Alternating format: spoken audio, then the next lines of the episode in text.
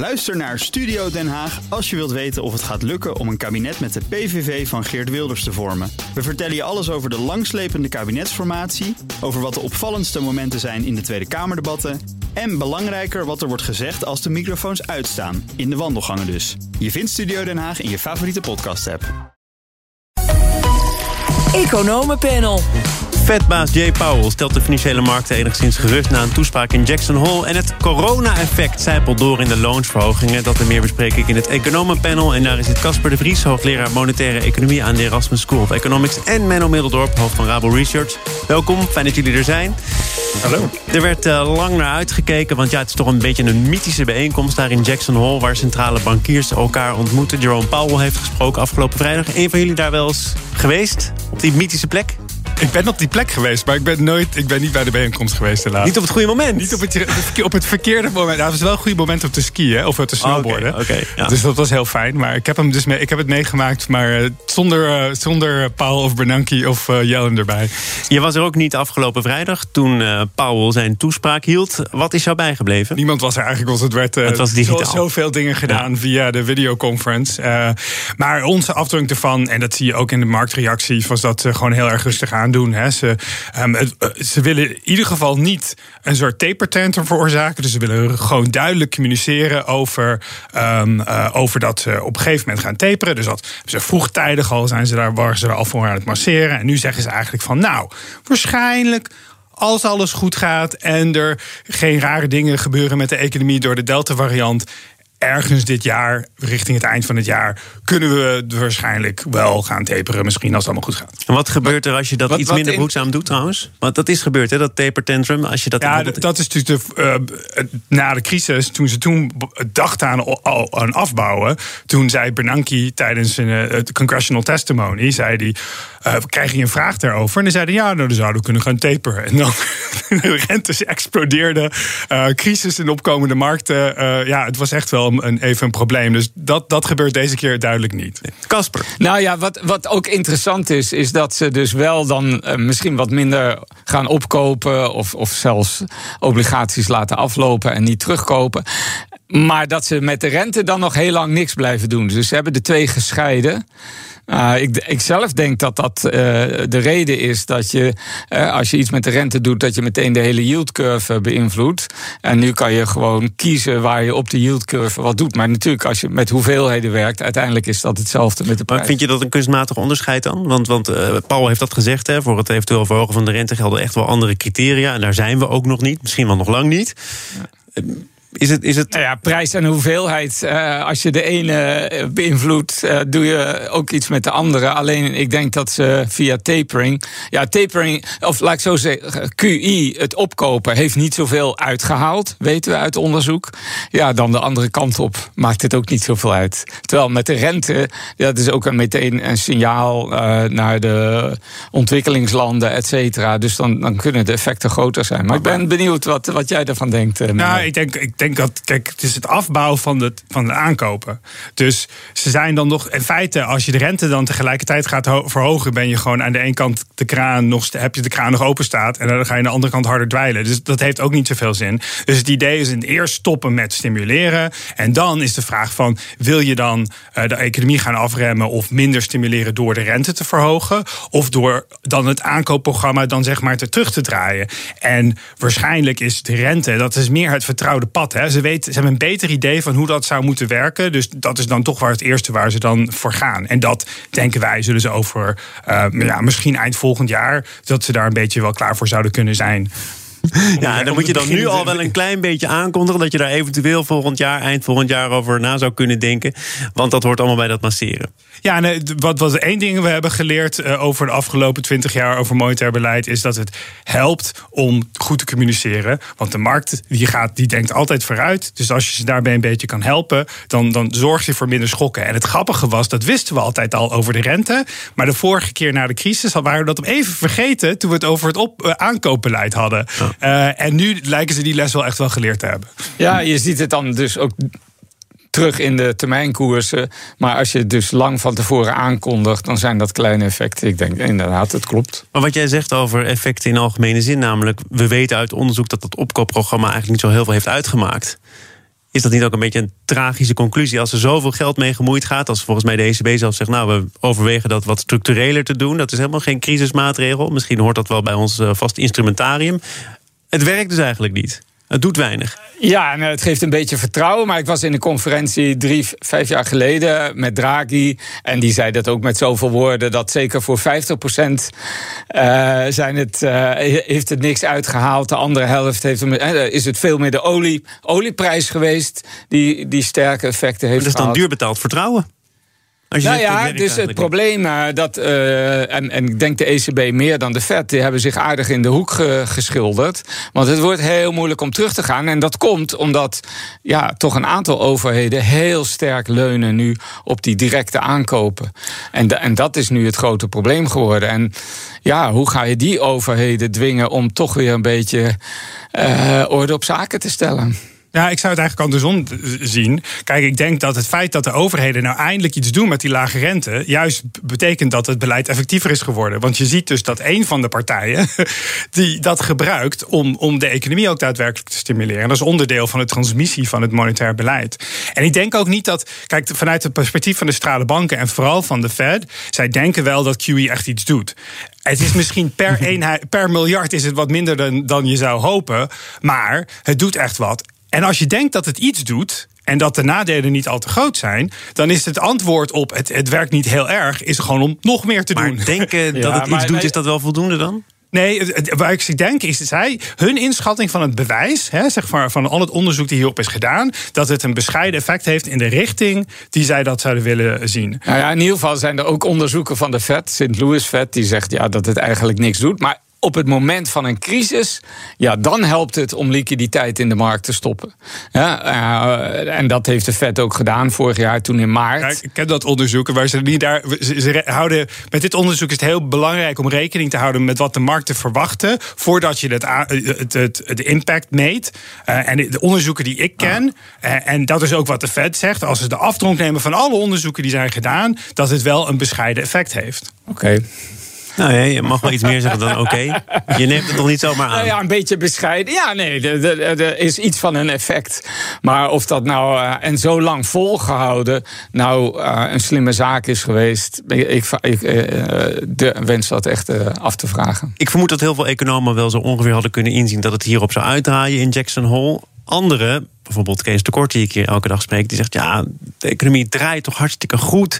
En de inflatie wordt wel over gezegd, misschien is dat wel tijdelijk. Maar als je daar naar kijkt, dan zou leiderschap van centrale bankiers ook moeten kunnen zijn. Dat je in plaats van zegt dat je misschien wat gaat doen en de timing nog een beetje in het midden houdt, dat je gewoon wel een keer een stap aankondigt. Want dat is op zijn plaats. Dit zijn centrale bankiers die op hun handen zitten. Uh, heeft hij daar een beetje gelijk in? Nee, ik denk dat ze het juist doen in de zin dat.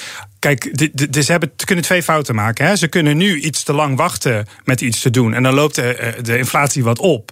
Maar dan kunnen ze de rente verhogen om daar iets aan te doen als we nu te vroeg gaan en de economie weer in de problemen komt, dan hebben ze eigenlijk heel weinig ruimte om de economie nog te stimuleren. Dus ik denk dat dat een hele belangrijke afweging is voor zowel de ECB als de Fed. Dus liever iets te lang vasthouden aan iets dat misschien alweer een enigszins hersteld zou kunnen worden, dan daar nu te snel toe overgaan. Ja, en dan, dan zit je toch gewoon met je, gewoon dat je de rente niet kan verlagen, omdat je te dicht bij de nul zit. Hm.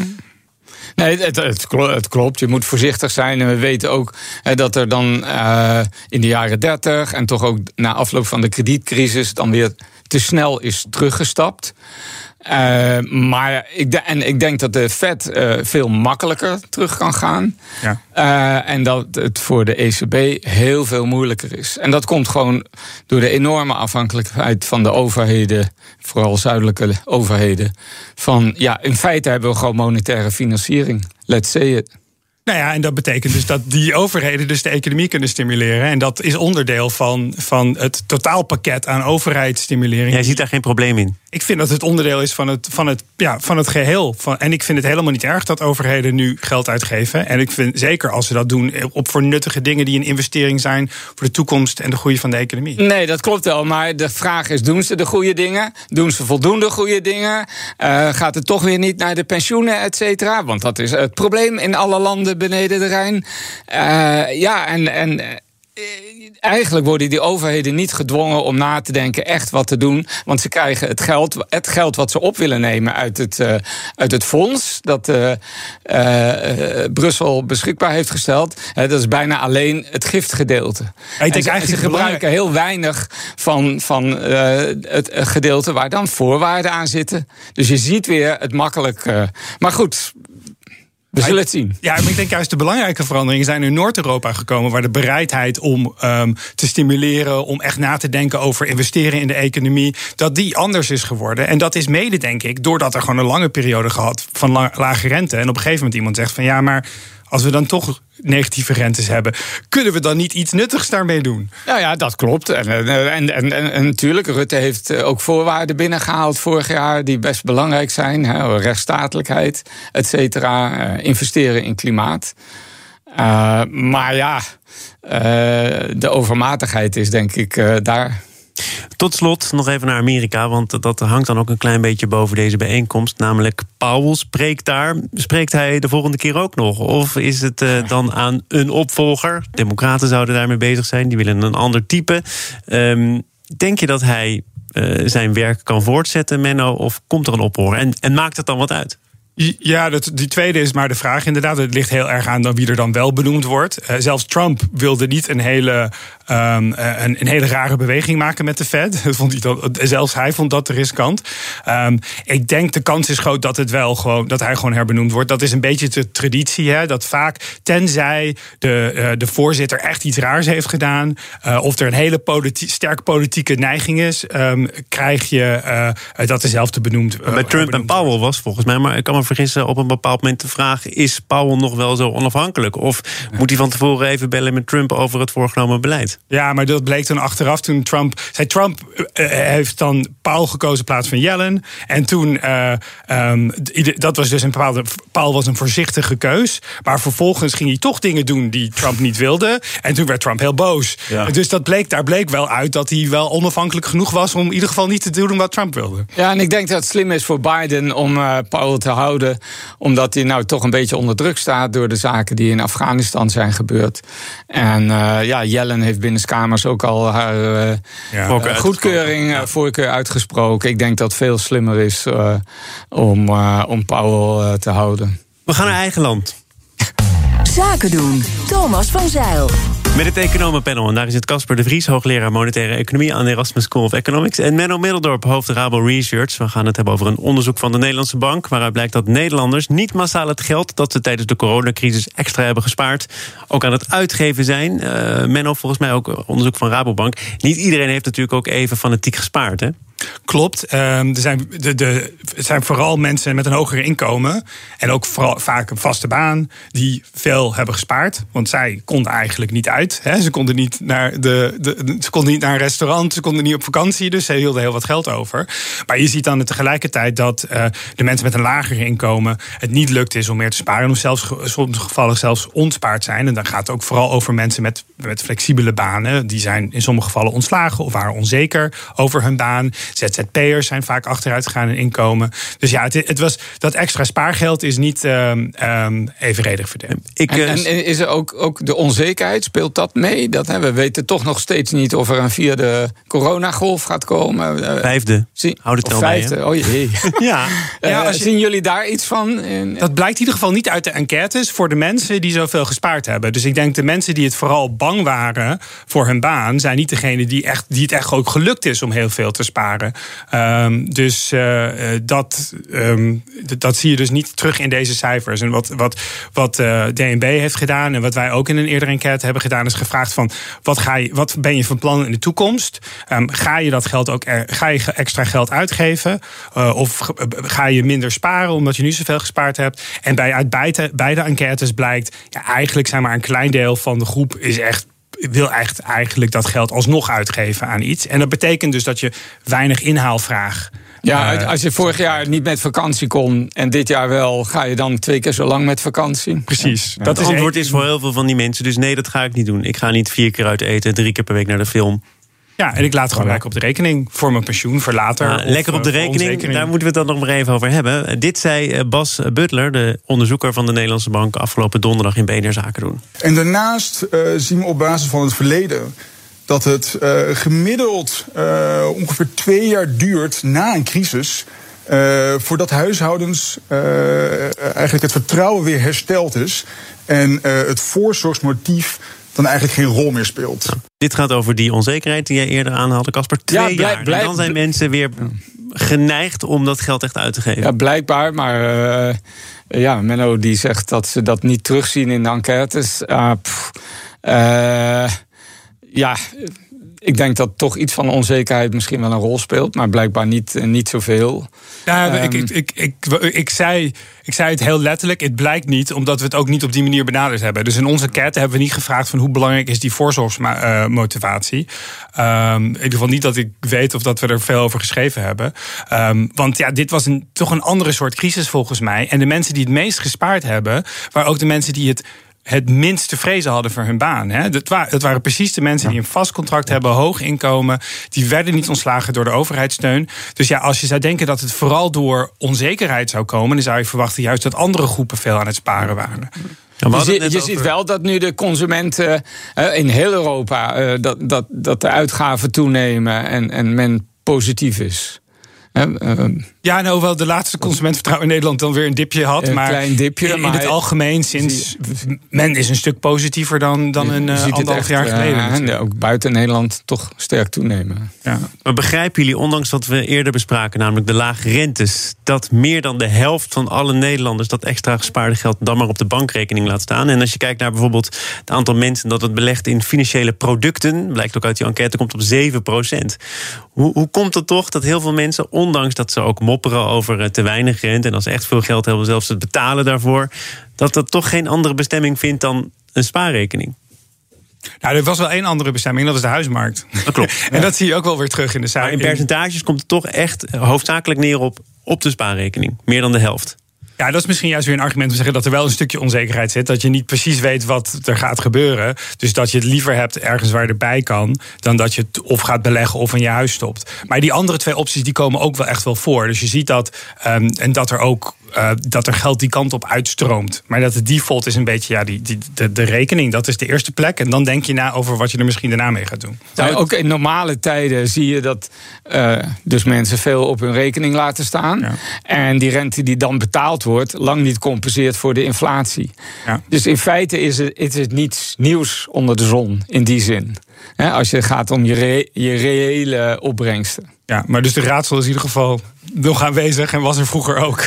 Zou, zou het in het eh, grotere geheel der dingen nou veel uitmaken als die 46 miljard extra gespaarde euro's, als die nou niet op die spaarrekening blijven staan, maar in de economie worden gepompt? Nou, op dit moment denk ik niet, want er zijn ook heel veel tekorten hè, in, in de distributiekanalen, et cetera.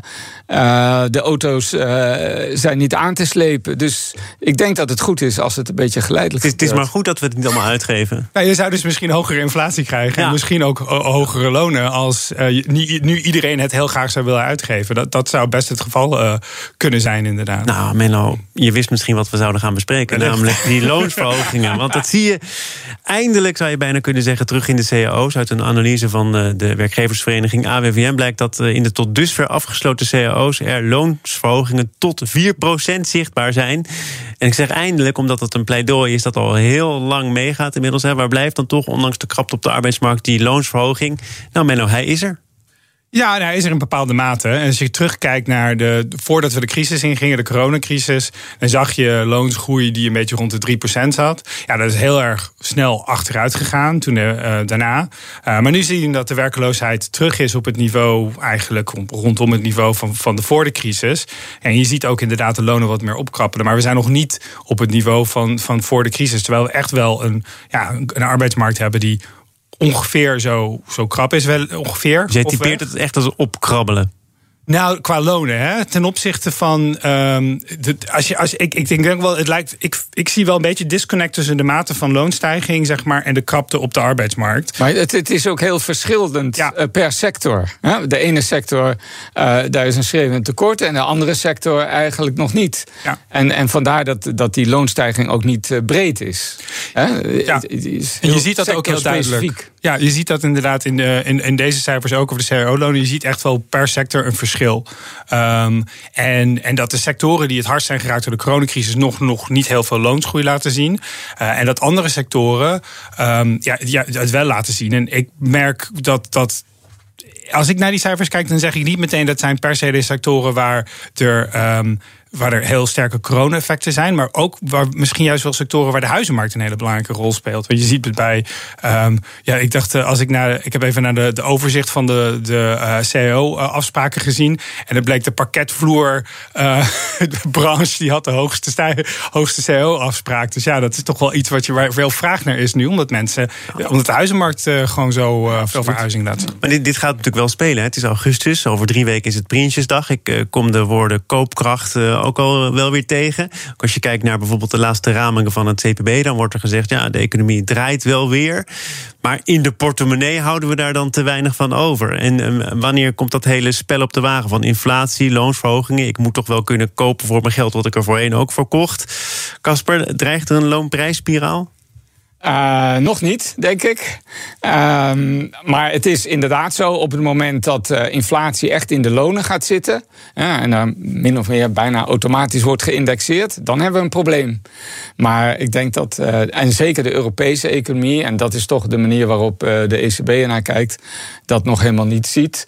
In Nederland misschien een klein beetje... maar dat, dat, dat, dat duurt echt nog een tijd voordat die, die loongroei zo sterk is... dat je moet zorgen gaan maken over dat de inflatie niet meer weg te denken is. Ja, ik zou het niet vreemd vinden als de lonen wat oplopen. En dat zie je ook in het CPB. Die hebben ook voorspelling dat het dit jaar boven de 2% komt. En dat vind ik best wel realistisch. Maar dat is nog, nog steeds niet echt waar we vandaan kwamen voor de crisis. En dat is ook niet waar ik zou zeggen van inderdaad loonprijsspiraalachtige niveaus. Dus, uh, de, um, dus ik denk dat dat een discussie blijft. Want dat was al een discussie voor de coronacrisis. Nou, jaren om, om, daar even op, op terug te voeren. Een beroemd geworden speech van Rutte, notabene op een VVD-congres, juni 2019. Toen zei hij al dit. Als de komende tijd die cao's niet aanzienlijk meer gaan stijgen in dit type grotere ondernemingen, dan moet de overheid het voor zijn rekening nemen.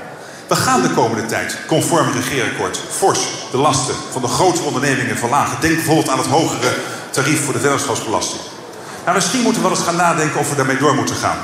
En als zij het niet doen, dat wij die tarieven minder verlagen of niet verlagen. En dat geld teruggeven aan de werknemers in lagere inkomstenbelasting. Dat is het risico. Kasper, ik, ik merk aan jou dat je daar twee jaar na dato nog altijd van kan schrikken. Ja, ze praat je. Ja, dat is toch wel. Ja, ongelooflijk eigenlijk. Uh, ja, ik denk dat de loondruk die we de afgelopen ja, 25 jaar eigenlijk hebben gehad. Die komt niet van binnen. Of, of, of waarom die lonen dus niet veel zijn gestegen. Het komt gewoon door globalisering. De enorme concurrentie uit China. Dat is gewoon de reden. En ja, dan, dan helpen dit soort uitspraken ook niet. Uh, want op het moment dat je die lonen dan omhoog gaat doen, dan verlies je concurrentiekracht. Je doet er maar het, het, is aan het keren. China ja. begint langzamerhand uh, problemen te krijgen. Daar gaan ook steeds meer mensen met pensioen. Dus dat, uh, dat gaat keren, maar dat is een langzame kanteling. En ik denk niet dat de overheid dit Tot moet overnemen. Nou, ik denk dat de globalisering echt wel onder druk staat. dus dat kan ook betekenen dat deze lange termijn trend. Um, die gaat langzamerhand uh, die, die zou kunnen keren. En ja. dat, zou, dat zou inderdaad wel heel interessant zijn. Ook voor mensen die natuurlijk een loontje verdienen. die, die, zouden, die ja. zouden hier voor, voor bereid van die verandering kunnen hebben. Maar het, het, we, we betalen daar dan weer voor, zeg maar. Doordat uh, de producten die we kopen van de rest van de wereld misschien wat duurder worden. Zeker. Dus ja. Dus de koopkracht komt en de koopkracht gaat weer een andere ja, kant. Maar, maar, ik denk niet dat de overheid daar. We moeten niet terug naar de geleide loonpolitiek. Oeh, maar nu de andere kant op. Houden we voor een volgende keer, Menno. Ook al zie ik dat je staat te popelen om nee, te hoor. reageren. Menno Middeldorp van uh, Rabo Research, hoofd van Rabo Research. En Casper de Vries, hoogleraar monetaire economie aan de Erasmus School of Economics. Dank voor jullie bijdrage aan het Economenpanel. Zometeen gaat het over het uh, succes van Zeepje in Duitsland. Ook Hugo Reitsma vind je in de BNR-app. Superhandig die BNR-app. Je kunt alle programma's live luisteren, breaking nieuwsmeldingen. Je blijft op de hoogte van het laatste zakelijke nieuws. En je vindt er alle BNR-podcasts, waaronder natuurlijk de belangrijkste, Boeken zijn in de wijk. Download nu de gratis BNR-app en blijf scherp.